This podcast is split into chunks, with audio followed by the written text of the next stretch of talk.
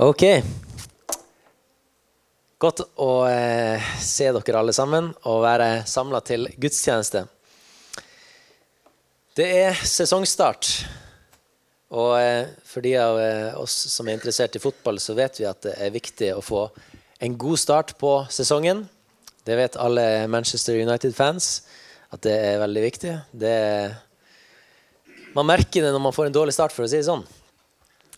Men heldigvis er ikke kirka her Manchester United. Vi er ikke eid av en amerikansk familie eller noen ting som helst. Vi har ikke noen problemer med sånne ting. Men sesongstarter er allikevel viktig. Eh, og eh, det er fordi det er godt for mennesker å komme i gang på en god måte. Det er godt å få en god start. Er vi enige om det? Har du opplevd å få en god start noen gang? Yes. Noen som nikker litt sånn. Eh, er det andre som har opplevd å ha, få litt dårlig start på noe? Dårlig start på eh, eh studiet, på jobb, forskjellige ting. Så vet du at hvis du starter litt dårlig, så blir på en måte hele greia oppleves ikke så godt. Og det blir kanskje ikke riktig, fordi du har starta fra feil plass. Eh, det som ligger meg på, på, hjertet, det er at vi som kirke og hver enkelt av oss at vi skal få en god start på denne sesongen. Vi tenker jo her i kirka eh, på mange måter sånn som man gjør med et skoleår, at en, en, si, en sesong går fra august til, til juni. Eh, selv om kirkelivet er jo hver dag eh, hele livet, så er det sånn at når vi tenker kirke i forhold til samlingen og det vi underviser om, så legger vi det opp i sesonger. Eh, og i sommer så var jeg og Karina vi kjørte på bilferie. Eh, vi kjørte ned til eh, Oslo til Kristiansand, og så litt opp imellom der og Kristiansand rundt der hugget. Og så opp Vestlandet, liksom Stavanger var, Vi var til og med innom Bergen. Eh, og videre oppover. Og så Trondheim kjørte vi forbi, og så kom vi opp til Så kom vi opp til, eh, til Bodø. Og så skulle vi ta ferga over til, eh, til Lofoten. Og jeg hadde sjekka fergetida. Det er viktig når du skal på ferie. Da må du sjekke fergetiden. Eh, og vi hadde peila oss inn på at yes, den ferga skal vi rekke. Den, det var den siste ferga som skulle gå den kvelden. Og vi tenkte at eh, vi er litt tidlig ute, sånn at vi er sikre på å få plass på den ferga. Sånn at vi kommer oss over til, til Lofoten, sånn at vi kan starte dagen eh, over på andre sida. Eh, og jeg hadde sjekka liksom på Troms fylkestrafikk om det var noen sånne trafikkmeldinger. Om det var noen uregelmessigheter i trafikken. Og så at nei, det er ingenting, er, ingenting nytt. Så da regner vi med at det her kommer til å gå helt fint. Men når vi da står der, og klokka blir liksom fem på at den skal gå, så er det liksom Hvor er den ferga hen? Og vi ser i køa så er det noen langt foran oss som har slått opp teltet sitt og liksom eh, dekt på skikkelig skikkelig bord det, liksom, i bobilen. Og det var litt sånn eh, har, Vet de noe vi ikke vet? Og så rusler jeg fram til tavla, eh, fram med liksom fergeleiet, og så ser det 'innstilt'. Og så tenkte jeg ja, det var jo litt rart, for det sto jo det sto ikke noe om det i trafikkmeldingen.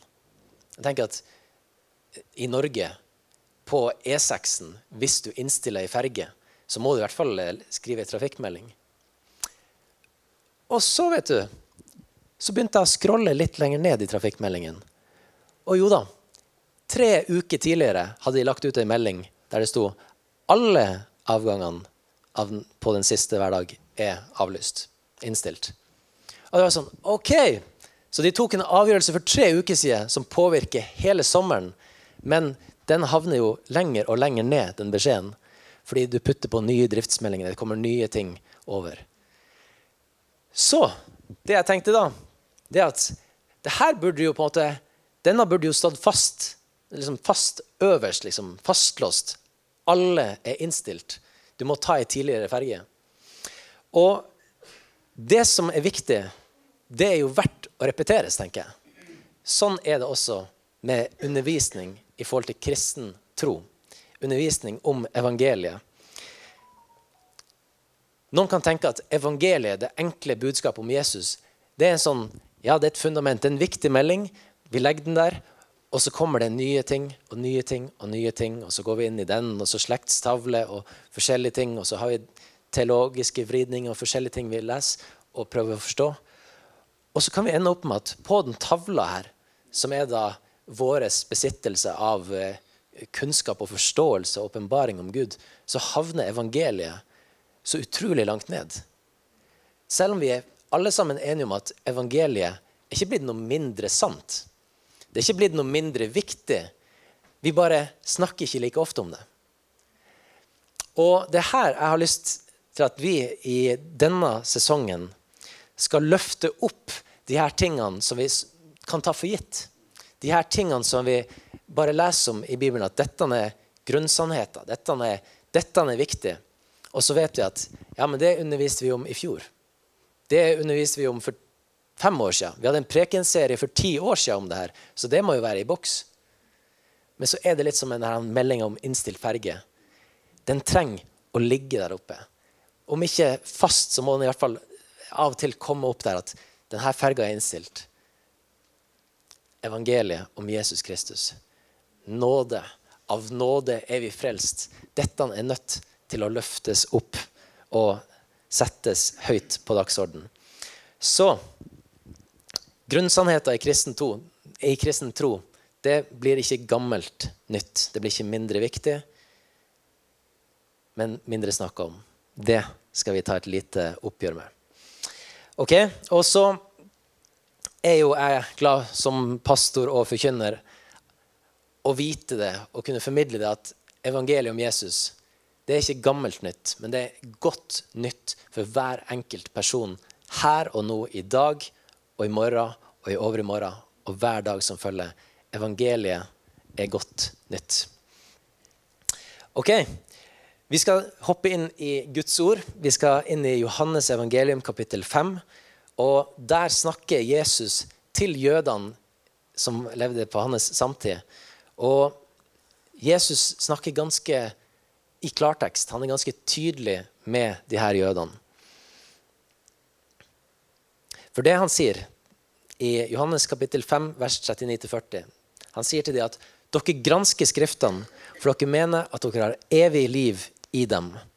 Men det er de som vitner om meg. Likevel vil dere ikke komme til meg.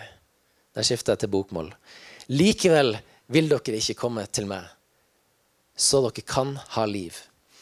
Likevel vil dere ikke komme til meg. Dette er så viktig. Dette er så viktig å få tak i. Altså, Jesus snakker til de som kunne Skriftene. De hadde, hele, de hadde Mosebøkene og profetene, og de kunne det her. De hadde studert det. De visste jo hva som sto i det som var Skriftene på den tida. Nå har vi fått Det nye testamentet i tillegg, som forteller om Jesus sitt liv. Men Det gamle testamentet med Mosebøkene og profetene, det kunne jo de her folkene. Jødene studerte det fra de var helt små av. Så sier Jesus her dere har forstått og kan mye teoretisk. Sekser i teologi. A. Du kommer inn på hvordan studie du vil i teologi. Likevel så vil du ikke komme til meg så dere kan ha liv. Dette er en, en, en, en, setning og en advarsel som Jeg føler også en, en slags sorg i Jesus sitt hjerte om at dere er så nær. Du, er så, du, du leser det, du ser det svart på hvitt, men du ser det ikke i kjøtt og blod. Og i, i våre samfunn så er det ikke sånn at mange av oss nødvendigvis føle oss sånn som de jødene var. At vi, har, vi kan Mosebøkene og profetene utenat. Og vi har studerer det her og gransket det her hver dag. Vi har kanskje et annet, en annen tilnærming til Jesus, et annet, en annen bakgrunnsteppe, som er et mer ja, individualistisk, mer ateistisk, tvilende eh, verdensbilde. Men uansett så kan vi lære mye av, av Jesus, hva Jesus sier til de som var rundt ham. Hva er det Jesus underviser om? Hva er det Jesus forteller? Og det jeg leser ut av det her, det er at kristen tro handler ikke om teologi. Kristendom handler om Jesus. Å komme til Han så vi kan ha liv. Å komme til Jesus så vi kan bli gjort levende og kjenne Gud. Så følger det selvfølgelig med en teologi. Det er alltid en teologi til grunn i det her, og Jesus underviser mye om seg sjøl og om Gud. Men det handler om å kjenne Jesus og komme til Han. Å ha liv versus å vite om liv. Jeg hører på en lydbok nå eh, som handler om holdt på å si, alt mellom himmel og jord. Altså, alt fra atomer, molekyler og vitenskap. Utrolig interessant. Masse tall som er så lange at du må ha 1000 ark for å skrive så mange nuller. Så smått eller så stort er de tallene. Og det er interessant å høre eh, historie om vitenskapsmenn opp gjennom tida. Og man skulle kanskje tro at en person som kan fortelle alt om hvordan du er satt sammen, av atomer og molekyler og alle elementene, hvordan de fungerer i deg, og hvorfor kroppen din henger sammen Man skulle tro at en sånn person var fullt kapabel da til å opprettholde en god relasjon med et menneske. Han vet jo alt om det. Hvis jeg hadde vært, jeg, jeg, kan ikke veldig mye om det. Jeg vet at det er noe atomer og det er kvark og eh, støff og sånn her som vi er bygd opp av. og at det hvis jeg, vært, hvis jeg hadde vært vitenskapsmann, stått der i hvit frakk og med krøllete hår og visst alt om det her, vært verdensledende i vitenskap om atomer og sånt, ville det ha gjort at mitt ekteskap med Karina var mye bedre fordi jeg visste alt om henne? Jeg, vet, jeg kan fortelle alt om hvordan du er bygd opp. Jeg kjenner hver eneste atom, liksom, hvordan det er bygd opp. Nei. For det er forskjell på å vite om og det å kjenne. De her jødene de, de kunne Det var ikke atomer, men det var teologi. De kunne historier til det jødiske folk. De, kunne, eh, de hadde memorert alle profetiene om Jesus. Og så står det der foran Jesus og så kan de begynne, så ramse opp ja, at så og så og så, og profeten sier så og så og så. Og så sier Jesus, ja, men kom til meg, da. Jeg, jeg står her. Ikke fortell meg hva jeg er lagd av. Kom til meg heller. Og det er hjertet som Jesus har for de her menneskene. Det at, ja, Kjempefint at du eh, studerer teologi. Kjempefint at du har memorert Mosebøkene og profetene. Så kom til meg. Det, det du kan, det forteller jo om meg. Hvis du er, kan alt om atomer, ok, bruk det til å la, ha de beste relasjonene. Til å kjenne folk og nyte av det fellesskapet. Det her det er så viktig å forstå at det er ikke evangeliet som frelser. Det er ikke evangeliet som frelser deg, men det er Jesus som frelser deg. Og evangeliet forteller om Jesus. Evangeliet er frelsesbudskapet. Men om du har memorert frelsesbudskapet, men ikke kjenner Frelseren, så er du allikevel kommet til kort.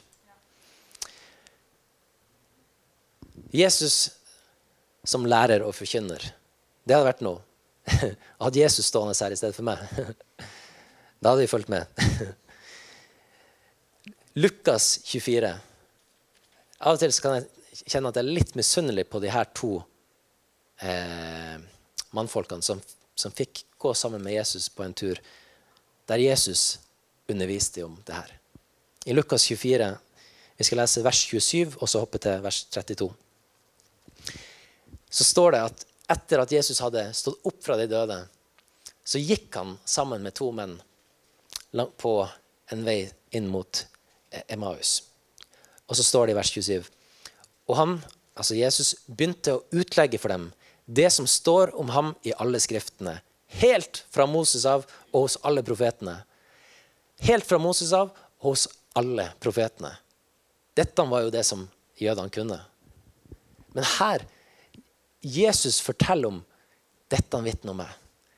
Her, dette han forteller om meg. Dette er en profeti om mitt liv. Og så står det her i vers 32, da har Jesus forsvunnet fra de her to folkene, men så står de og sier til hverandre Brant ikke hjertet i oss da han talte til oss på veien og åpna Skriftene for oss. Hele Bibelen vitner om Jesus. Det gamle testamentet forteller om, om eh, historien til det jødiske folk og profetiene om Jesus. Og Det nye testamentet er vitnesbyrd og, og, undervisning om hva Jesus gjorde, og hans liv. Men det her tror jeg alle, eh, alle forkynneres drøm, og for så vidt alle tilhøreres drøm også, at det skal bli åpna for deg. At, at, ikke bare skal du høre undervisning. Bare, jeg ønsker ikke bare å stå her og, og lese fra Bibelen til dere. Jeg ønsker ikke å bare stå her og, og fortelle at dette har jeg sittet og tenkt på de siste ukene. Ta det med deg. Jeg har lyst til at, at Skriften skal bli åpna, sånn at vi ser at, sånn at du får åpna øynene og virkelig forstår at det her vitner om Jesus, min frelser. Og jeg kan få lov til å kjenne Jesus, jeg kan få lov til å ha en relasjon til min frelser. Ikke bare fordi jeg kan teoretisk slektshistorie eh, hans. Jeg vet hvordan han døde, jeg vet når han sto opp. Nei, det vitner om han for at vi skal kunne kjenne han og ha en relasjon til han. Så nå er jo ikke jeg Jesus, eh, og det er ikke du heller. Så hvordan kan vi da leve dette livet som kristne? Hvordan kan vi, når vi ikke er Jesus, hvordan kan vi da søke å åpne Skriften og kjenne Jesus? Her i kirka så har vi en visjon eh, som er å være et synlig, tydelig og varig lys i nord. Det er en sammensetning av to visjoner, egentlig. En visjon som denne kirka har hatt fra begynnelsen av i 1994, da den ble eh, planta av Samuel og Guri. Da var det et lys i nord gjennom menighet, media og misjon. Det å være et lys i nord. Og så har vi kobla oss sammen med OKS, en storfamilie av en kirke. Og Der bærer vi også med oss det at vi ønsker å sette et synlig, tydelig og varig avtrykk i vår verden med evangeliet. Og det her har vi tatt og eh, effektivt bare skrumpa sammen til en sånn kort ting som du kan huske på.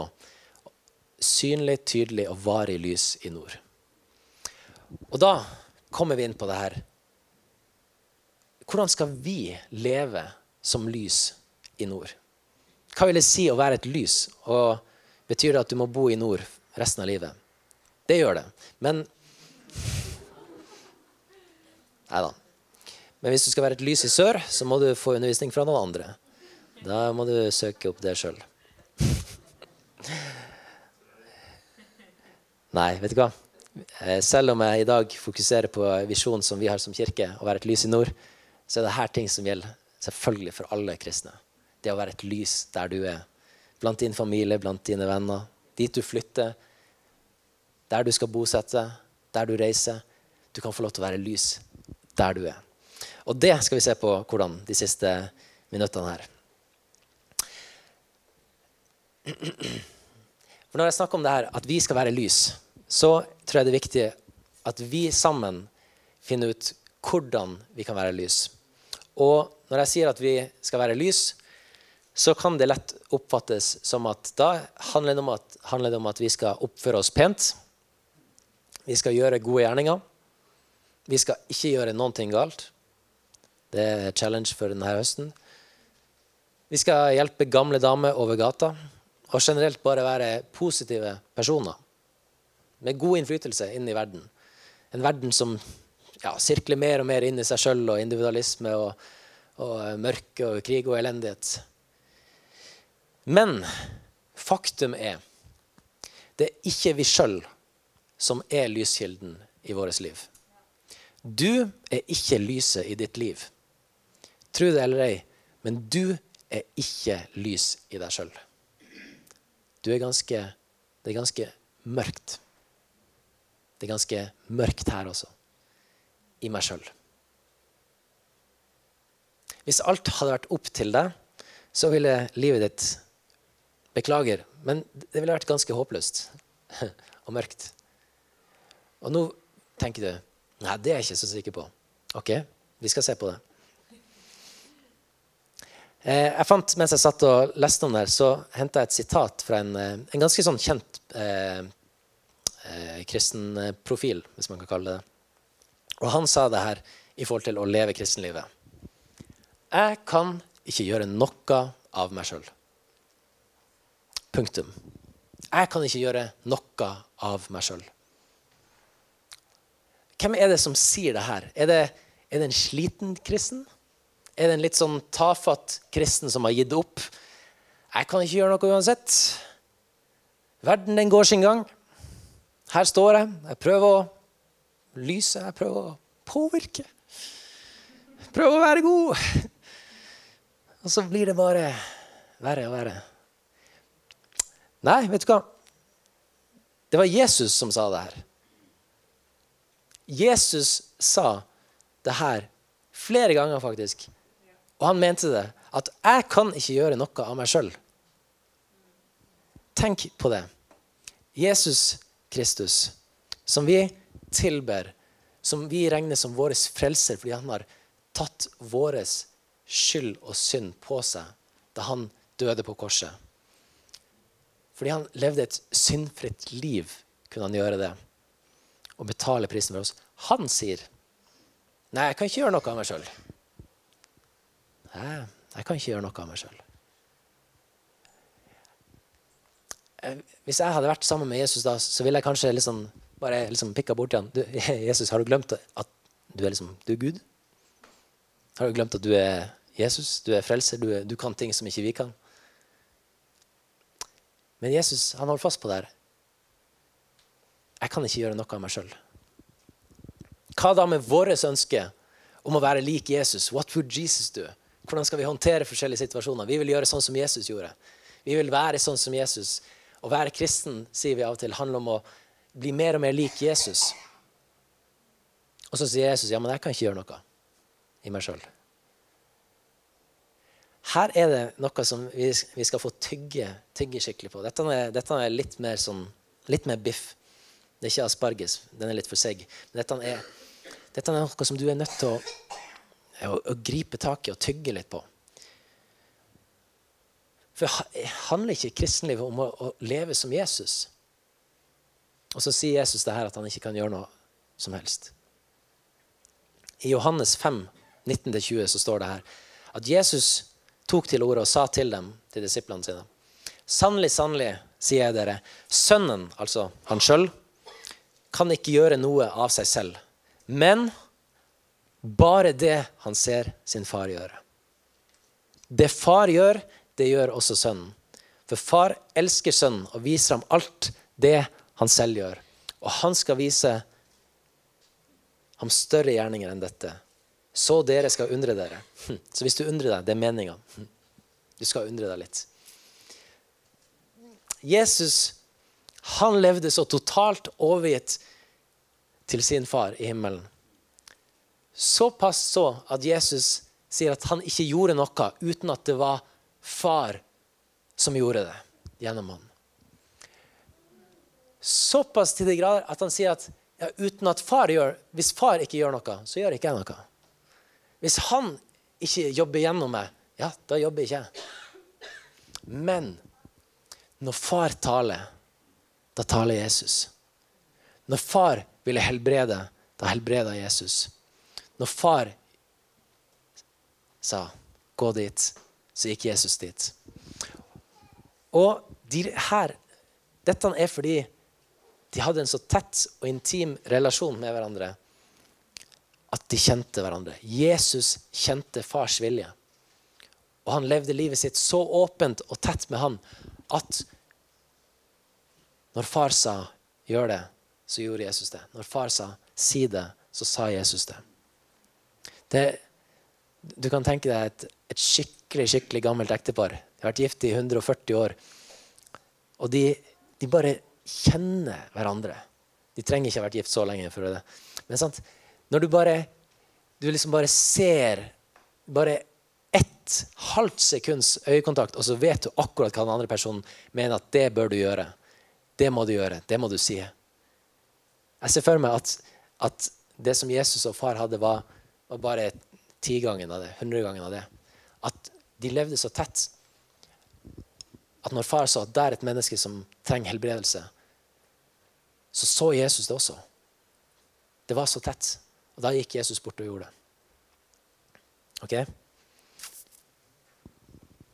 Som kristne, som vi er, er vi i relasjon med Jesus. Og det er denne relasjonen som er ment til å ta plassen i vårt liv og virke gjennom oss. I Filippebrevet 2 så sier eh, Paulus at det er Gud som er virksom i dere. Så dere både vil og gjør det som er etter Guds gode vilje. Og, men jeg har lyst til at vi skal gå til Johannes 15 først.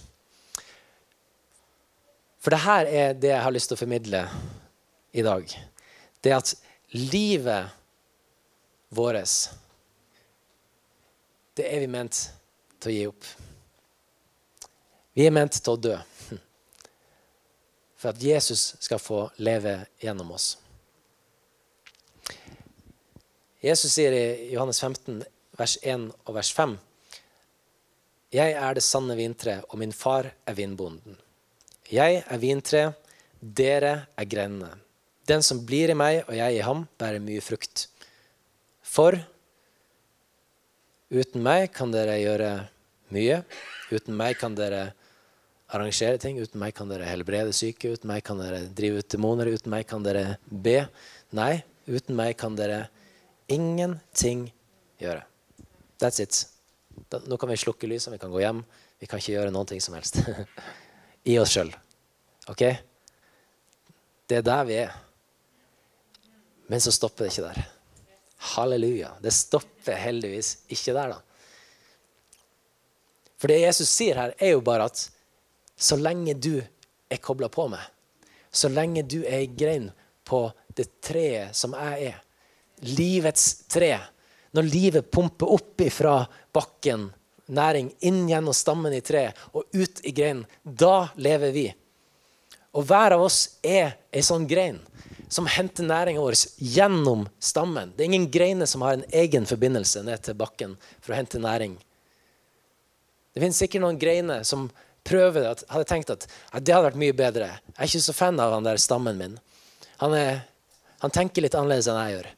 Han har litt andre sånne uh, vibes. på en måte. Jeg skulle ønske at stammen min var litt mer sånn. Jeg skulle ønske stammen min eh, tenkte sånn teologisk. Jeg skulle ønske stammen min sang de sangene. Men vet du hva? Som greiner på livets tre, Jesus, så henter vi vår næring av ham, av hans ord, av det han gjør. Og den relasjonen som vi har med Jesus, det er den som er ment til å lyse gjennom oss. Det som kommer ut av greina, det er frukten av det som har eh, først strømma opp gjennom stammen. Sånn som Jesus levde og handla med far, ut ifra hva far sa Sånn er vi kalt til å leve i relasjon med Jesus. Å være Jesus sine hender og føtter og leve i en så tett relasjon med Jesus at vi bare vet at, vi vet at vi vet at vi vet at den personen trenger å høre et ord i dag til oppmuntring. Den personen trenger legedom. Den personen trenger en venn. Den personen trenger at jeg kommer hjem på middag i dag til den. Den personen trenger ei hand å holde i. Så tett med Jesus er det vi er kalt til å leve. Så tett med Jesus er det Jesus ønsker at vi skal være. Ikke bare at vi kjenner Skriften med at vi holder oss borte, men at vi trekker oss nær til Han. At vi kjenner Jesus, vår frelser. Jesus person, vår frelser.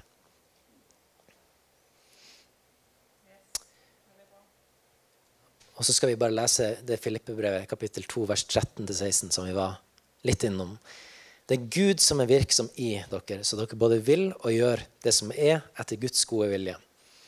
Gjør alt uten murring og misnøye. Det er en challenge.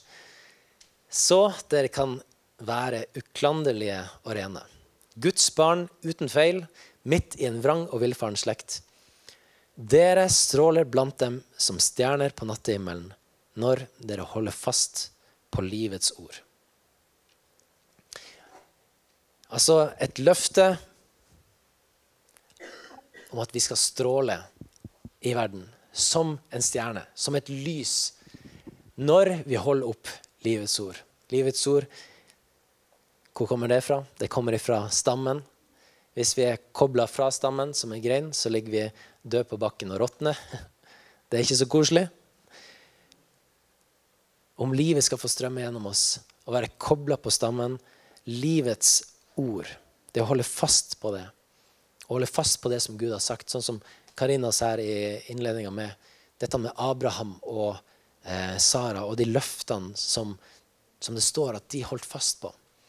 Og så var det perioder som det også sa innom, at, at de lo og tvilte til dels på det Gud hadde sagt. Men så står det at Abraham han holdt fast på det. Og på samme måten som Abraham holdt fast på løftet om at ja, men Gud har sagt, Gud har lova meg, Gud har kalt meg til det her, så står det at, at vi stråler i verden når vi holder fast på livets ord. Hva betyr det? Det betyr at hvis vi gir slipp på livets ord,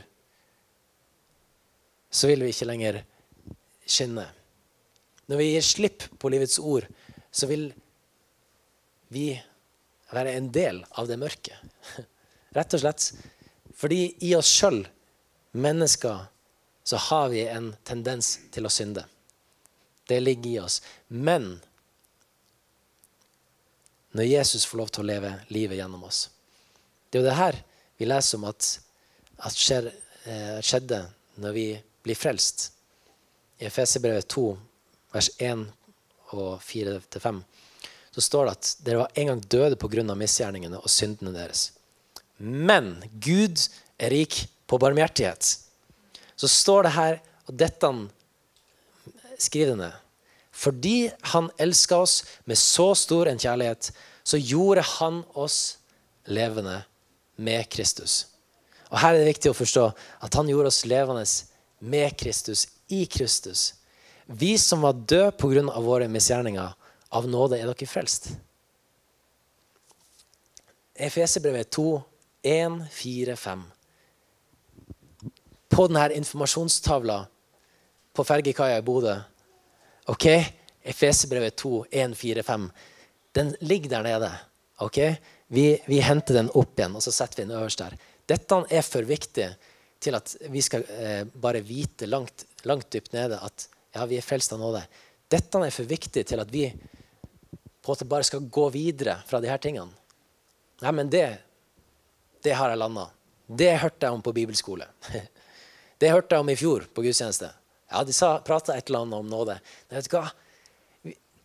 Hvis det er noe som vi skal feste øverst på vår linje, hvis det er noe du skal skrive på en Post-It-lapp på senga di, på speilet, så er det det her å forstå at i oss sjøl så kan vi ingenting gjøre. I oss sjøl så var vi døde. I våre synd og misgjerning. Men storyen slutter ikke der. Dette er evangeliet, de gode nyhetene. At Gud elsker deg. Dette er godt nytt for deg. Gud elsker deg med en så stor kjærlighet at han har gjort deg levende med Kristus. Når du tar imot frelsen, så gjør han deg levende. Du kan velge å si nei til det her. Du kan velge å stå med ryggen til Gud og si nei, men Gud, jeg tror ikke på det. Det der Jeg trenger ikke noe frelse. Jeg kan fikse ting sjøl. Det står du fri til å gjøre. Gud tvinger ingen inn i relasjon med ham. Gud er ikke et tvangsekteskap. Din relasjon med Jesus er ikke noe som noen forhåpentligvis har tvunget deg til å inngå. Hvis relasjonen med Jesus starter med tvang, ok, da må du nulle ut denne sesongen, fordi den har fått en dårlig start. Den har fått en feil start. Du er nødt til å rygge tilbake til start. Kanskje sette ting på pause et halvt år og så være med igjen når du får landa at av nåde er du frelst. Dette er noe som du av egen fri vilje er nødt til å si ja til.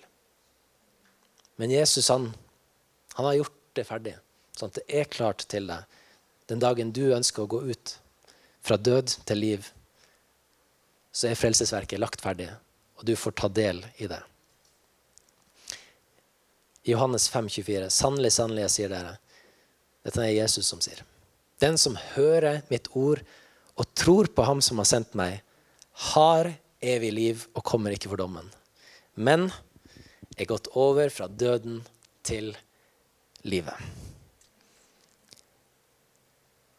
Hvis du har tatt imot Jesus som herre og frelser i ditt liv, vet du hva? Da er du død. Du er død. Du har lagt igjen ditt gamle menneske. Ditt gamle liv har effektivt dødt fordi du har sagt at 'jeg vil leve mitt liv med Jesus'. Og Jesus gjør oss levende på en helt ny måte. Et nytt menneske. Du har gått over fra døden i deg sjøl til livet i Kristus. Det er evangeliet. Å ta den vandringa, ta det steget og si 'Jeg er enig, Herre'. Uten det så kan jeg ikke gjøre noen ting. Uten det så er ting håpløst. Uten det så kunne jeg sikkert gjort noe godt av og til. Jeg kunne sikkert hjulpet mange folk med ting. Men jeg ville fortsatt levd et liv i synd og i mørke. Så det å, jeg kommer til den erkjennelsen her at jeg trenger deg, Herre. Jeg trenger den frelsen som du har brakt fram for meg. Det valget er ditt. Det er mitt. Og det er et valg for alle mennesker. I nord, i sør, Midt-Norge, rundt omkring i hele verden. Dette er valget hvert enkelt menneske på jord er nødt til å ta stilling til. Vil du dø for å leve i Kristus, eller vil du leve ditt liv for deg sjøl? Det er valget vårt. Og jeg velger, og jeg håper du også vil velge, å leve med Kristus, i Kristus.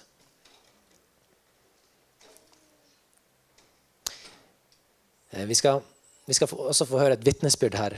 Eh, men jeg har lyst til å, å, å bare gi denne tanken eh, som du kan få lov til å Eller det her valget som du kan få lov til å tenke på mens, mens vi lytter til det vitnesbyrdet. At, at hvis det her utfordrer deg, og du kjenner at dette er et valg du trenger å ta fordi du ikke har tatt det, eller kanskje du trenger å ta det valget på nytt fordi du tok det en gang, delvis under tvang av foreldre eller andre rundt deg, og du kjenner at det her, den relasjonen med Jesus, den, den trenger å trykke på reset.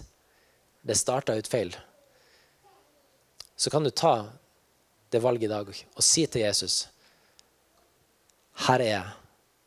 Jeg vil ha deg som herre i mitt liv. Vi fikk, en, vi fikk en dårlig start, med Jesus Her er mitt liv. Det valget, det kan du få lov til å ta i dag. Og hvis du tar det valget, og hvis du sier det til, til Jesus mens vi lovsynger og lytter på vitnesbyrd og sånt, og er i bønn, så har jeg lyst til at du også skal være frimodig og dele det med Dele det med meg eller dele det med Karina.